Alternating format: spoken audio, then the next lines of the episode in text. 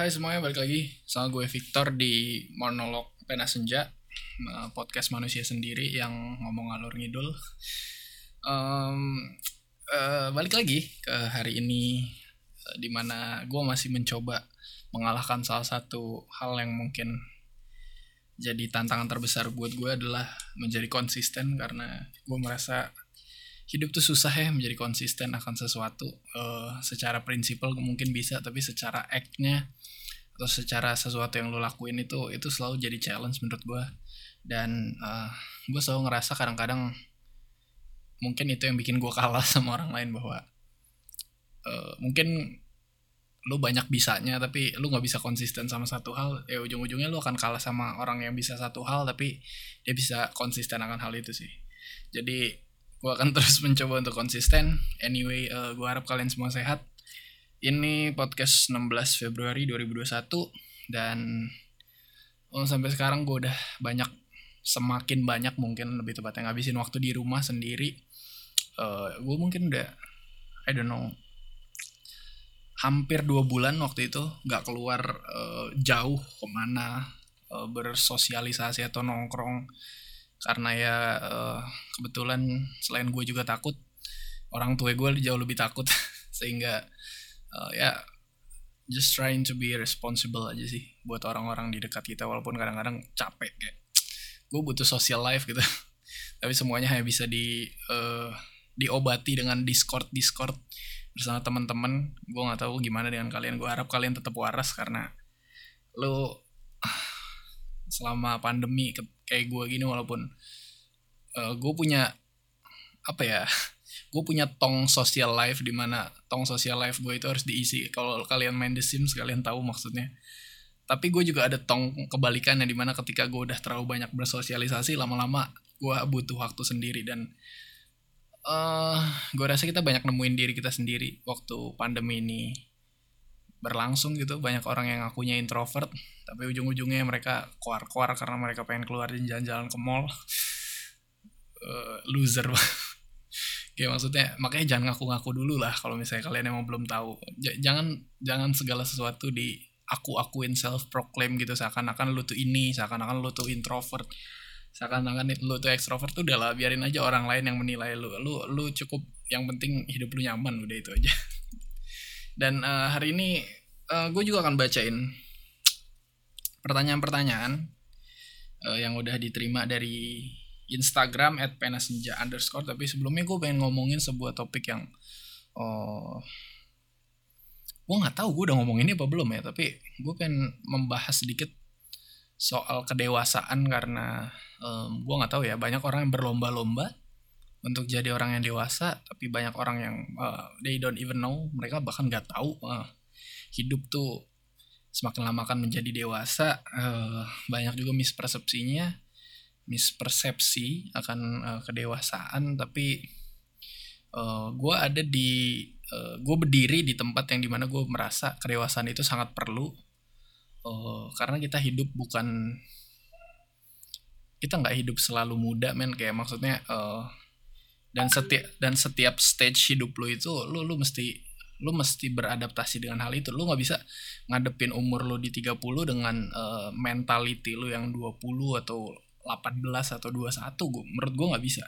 Karena ya karena uh, kedewasaan kita adalah sesuatu cara kita memandang sesuatu even in uh, relationship gitu ya. Jadi ya pasti pasti akan akan ke sana arahnya. Karena karena gimana kita menjalani hidup ini menurut gue ya itu berpengaruh terhadap segala hal. Uh, gimana cara kita mandang bisnis kita mandang relationship friendship um, ya yeah, any other things. Kayak kayak nggak bisa nggak bisa banget lu uh, menghindar dari hal itu sih menurut gue dan uh, untuk relationship uh, specifically gue rasa gue nggak akan bisa lagi terjebak di relationship di mana uh, di entah di pertemanan ataupun di hubungan pacaran di mana uh, orang atau pasangan atau temen lu itu tuh masih state of mindnya tuh masih bocah yang pikirannya cuma senang-senang kemudian uh, pikirannya cuma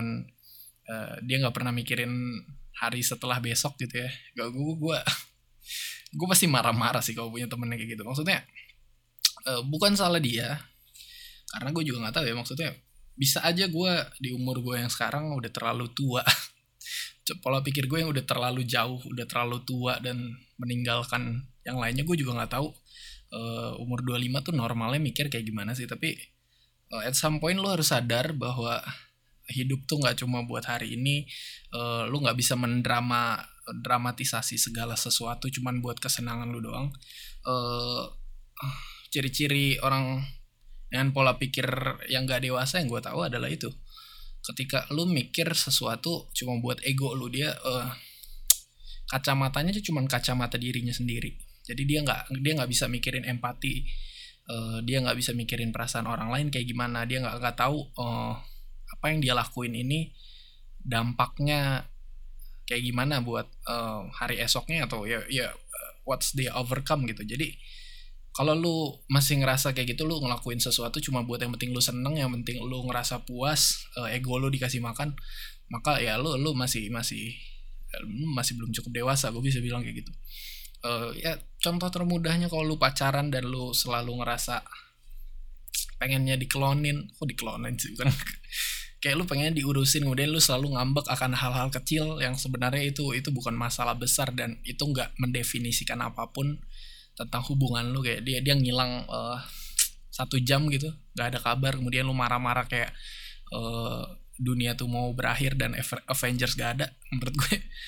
Uh, ya, ya itu itu itu stance itu tempat yang lu masih belum bisa mengatakan diri lu bahwa lu orang yang dewasa sih.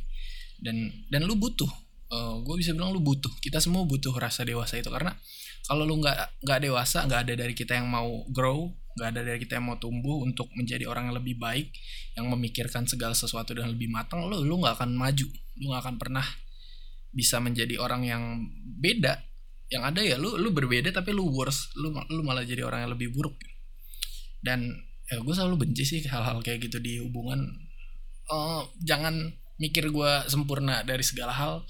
I mean gue juga pernah di posisi itu dan uh, bedanya kayak gue sadar setelah semua hal itu gue lihat bahwa eh, hal-hal kayak gitu maksudnya dia dia nggak ngabarin lu satu jam nggak pernah berarti dia nggak sayang sama lu nggak pernah berarti uh, yang lain lebih penting daripada lu. Enggak kadang-kadang ya dia nggak balas pesan lu karena ya udah kelewat aja dan dan kita emang manusia maksudnya kita punya mistakes ada yang pelupa ada yang lain-lain dan ketika kita udah mulai asumsi-asumsi kayak gitu yang yang menjebak diri kita sendiri pada drama. Dan gue sih selalu sebelum sebelum sampai situ sebelum titik kepikiran ke hal-hal kayak gitu ya udahlah um, dan ya ya lu bisa mikir sampai situ kalau lu juga udah punya prinsipal lu udah disupport dengan pemikiran bahwa uh, whatever means to you uh, apa pun yang berarti buat lu apa pun yang ujung-ujungnya emang buat lu ya akan buat lu.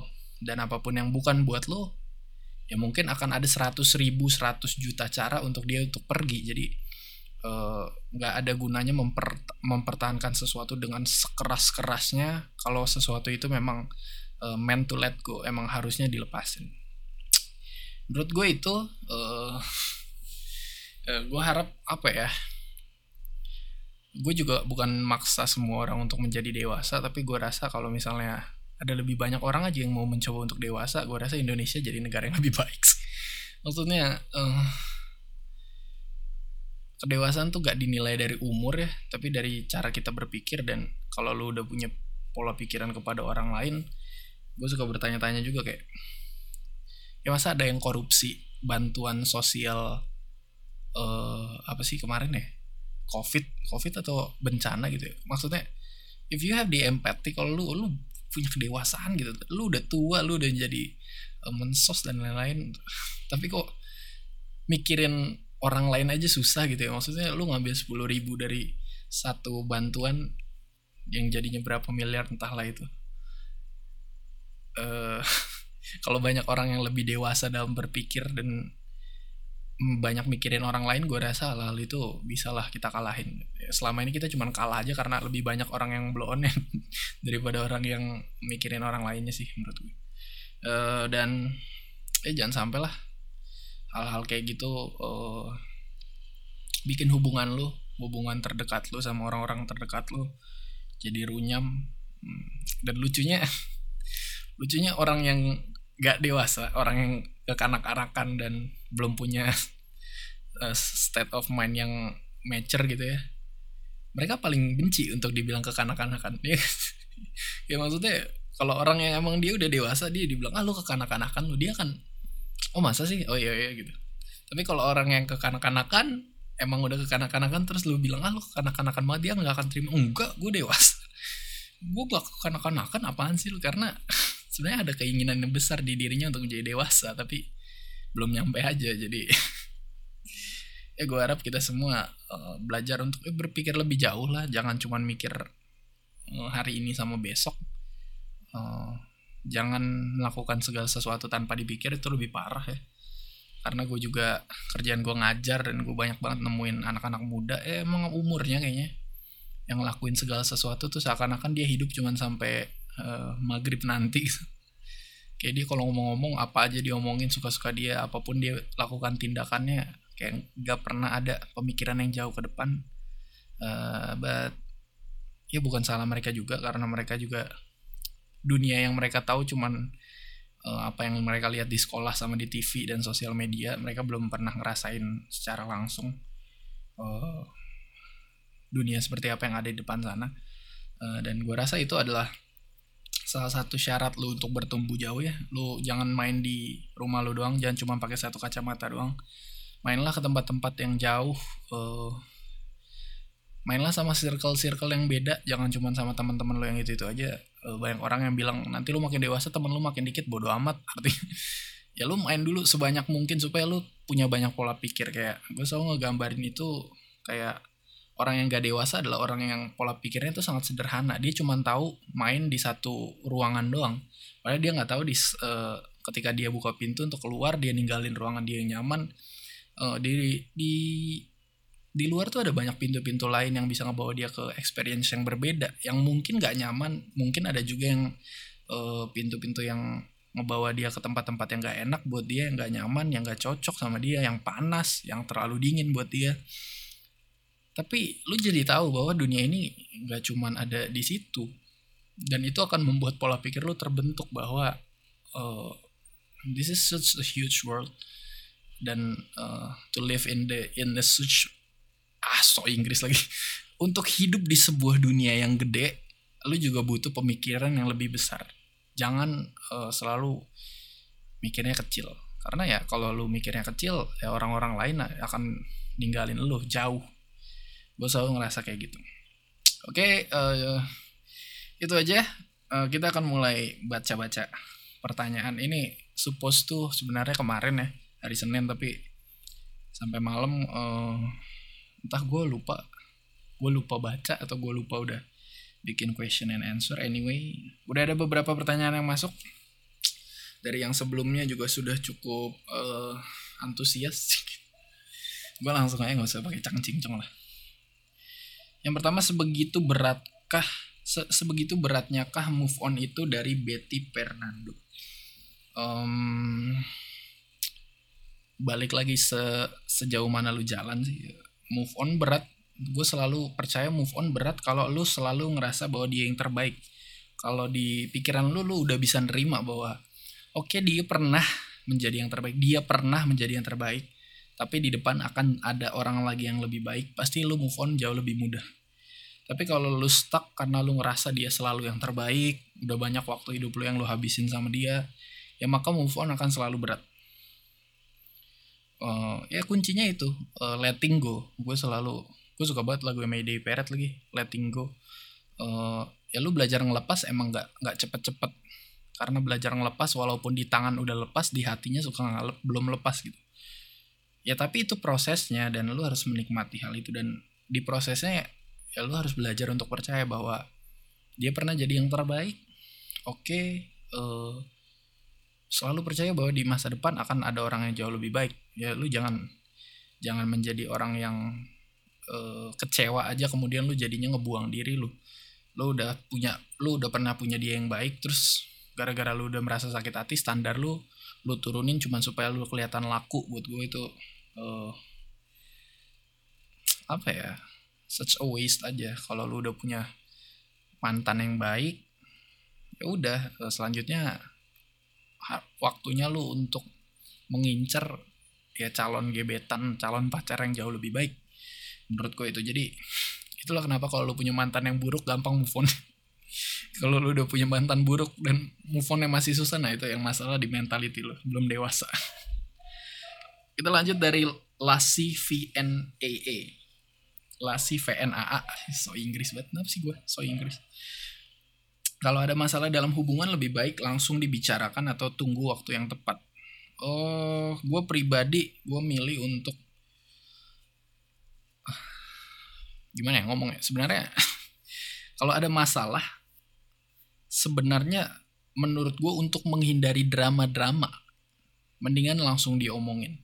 Diomongin bukan berarti harus selesai saat itu. Ngerti nggak maksudnya? Kalau lu ada masalah, uh, lu ngerasa nggak suka akan sesuatu, uh, ya kalau lu lagi berdua lu ngomong maksudnya lu nggak suka akan hal itu tapi sebisa mungkin jangan sampai lu ngomong ketika lu lagi emosi sepuncak-puncaknya oke gue selalu ketika ada masalah uh, yang gue gue ngelakuinnya gini. Misalnya gue ada masalah gue nggak suka misalnya dia ngelakuin sesuatu. Gue akan bilang ke dia bahwa gue nggak suka lu ngelakuin hal ini uh, tapi gue sekarang lagi marah. Gue akan nenangin diri gue dulu. Nanti gue akan ngubungin lu lagi kalau gue udah bisa mikir dengan lebih jernih. Gue selalu ngelakuin hal itu karena gue uh, gue selalu ngerasa keputusan yang diambil ketika kita emosi itu nggak pernah baik ya impulsif banget dan uh, banyak yang ujungnya jadi penyesalan. Jadi gue selalu ngelakuin hal itu. Tapi lu harus state masalah lu harus nyatain dulu masalahnya. Karena uh, kalau sebagai cowok ya gue nggak tahu sih kalau cewek. Karena cewek itu bisa manjang ketika lu udah punya rasa lu ngerasa hal itu kemudian lu pendem-pendem lu mencoba mencari waktu yang terbaik padahal nggak akan ada pernah waktu yang terbaik gitu ya. Yang lu bisa cari adalah waktu lu paling berani buat ngomongin itu kemudian waktu lu ngomonginnya di waktu yang udah telat misalnya seminggu gitu atau tiga hari bisa ada drama di mana dia kayak kok kamu baru ngomongnya sekarang sih? Kenapa sih kamu? Bla bla bla bla. Kayak gue nggak mau sih hal itu. Makanya kalau ada masalah gue akan straight to the point. Tapi uh, yang tadi gue bilang gak harus selesai saat itu gue akan nenangin diri dulu. Dia juga akan punya waktu lagi kalau emang dia harus uh, ngasih tahu alasan kenapa itu terjadi. Begitupun sebaliknya ya jadinya solving the problemnya itu sebisa mungkin ya ketika kepala lagi dingin. Dan uh, ya gue selalu merasa cepat untuk mendinginkan kepala gue nggak tahu dengan kalian. Tapi sebisa mungkin jangan masalah dibawa terlalu lama sih. Jadi itu oh, masalahnya disampaikan udah dengan kepala dingin coba bareng-bareng dua-duanya kepala dingin coba diselesain.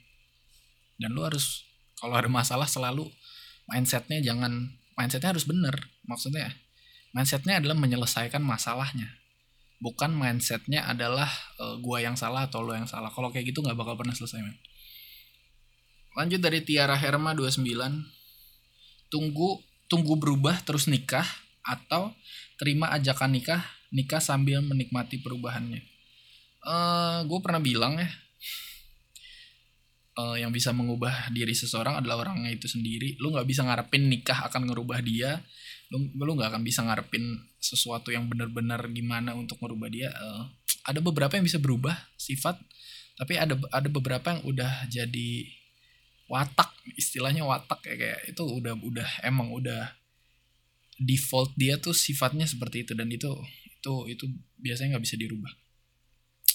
Jadi tunggu berubah terus nikah atau terima ajakan nikah sambil menikmati perubahannya menurut gue mungkin better pilihan yang ke satu sih lu lu mendingan tunggu dia berubah dulu karena kalau lu udah keburu nikah dan baru nunggu dia berubah dan dia nggak berubah lu yang nyesel sendiri oke? Jadi pilihan yang pilihan yang pertama. Cinta tak direstui orang tua, jalan keluarnya bagaimana? Ya berusaha supaya direstui. Uh, gue juga belum pernah sih ngalamin ini dan gue gue selalu bingung karena uh, ini ini ini sangat subjektif ya. Balik lagi ke kayak gimana karena orang tua selalu punya pikiran sendiri terhadap anaknya. Mereka punya impian yang mungkin mereka nggak punya yang pengen terjadi di anaknya. Mereka juga sometimes a lot of times mereka lebih kenal lu daripada diri lu sendiri. Uh, beberapa kasus seperti itu. Tapi beberapa kasus banyak orang tua yang merasa lebih tahu tapi sebenarnya nggak tahu bahwa anaknya tuh udah jauh lebih grow daripada yang terakhir mereka kenal. Jadi ini sangat subjektif uh, tapi gue selalu ngerasa restu orang tua sih sangat dibutuhin sih. Lo nggak bisa lo nggak pernah bisa nge ngeremehin restu orang tua.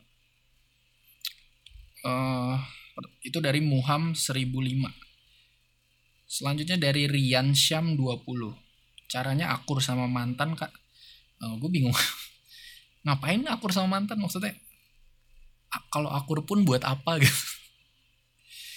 Uh, kecuali lu emang pengen punya hubungan yang baik aja ya ya lu lupain masa lalu udah jalan aja ke depan. Maksudnya masa lalu sama mantan yang udah pernah dilaluin itu ya udah anggaplah itu sebagai kisah yang sudah berlalu. Tapi kalau kalau tujuannya lain gue nggak ngerti ya maksudnya. Gue pribadi kayak mau ngapain akur sama mantan tuh biar apa? Gitu. Biar balikan lagi ngapain? Gitu. Kalau emang lu pengennya balikan kenapa putus dari awal ya gak sih? Next uh, apa lagi nih? Bagus banget dari Alfri Andarmawan. Kenapa setia itu mahal? Iya karena setia itu susah. Setia itu bukan bukan sesuatu yang uh, bisa dimiliki semua orang yang nggak mau berjuang. Setia itu mahal. Ya karena setia susah. Apa pun yang dicarinya susah mahal kan? Apa pun barang yang rare harganya lebih mahal. Karena itu ya menjadi setia gue nggak tahu ya. Gue selalu ngerasa banyak banget orang yang kayaknya susah banget untuk setia. Padahal menurut gue pribadi sebenarnya nggak susah-susah banget untuk setia. Uh, ya kita hidup. Banyak yang di let go banyak yang kita harus try to believe in tapi setia tuh diri lu sendiri sih. Maksudnya kalau lu cuma bisa setia sama satu orang terus pas sama orang lain lu nggak bisa setia susah juga. Maksudnya setia tuh mulainya dari diri lu sendiri. Kalau orang itu udah konten sama dirinya dia udah nemuin siapa dirinya dia udah tahu maksudnya konsekuensi dari segala ketidaksetiaan dan lain-lain gue rasa ya setia itu bisa dilakuin tapi yang bikin mahal ya itu ya karena nggak semua orang punya. Tapi anyway bodoh amat lah ya lu setia segimana juga ada aja cewek-cewek yang lama-lama nyia-nyiain lu seberapa setia pun nggak ada yang canda. Setia penting ya. Lo belajar berkomitmen. Bagi uh, terakhir dari 14 Marianto bagaimana caranya percaya dengan komitmen? Biasanya yang nanya kayak gini orang-orang yang udah pernah tersakiti ya. Semoga aja lo bisa uh, ya lo belajar dengan seiring berjalannya waktu sih lo harus percaya bahwa uh, apa pun luka yang pernah lu alami itu itu nggak itu nggak akan selalu terjadi lagi. Itu bisa terjadi lagi tapi nggak akan selalu terjadi lagi.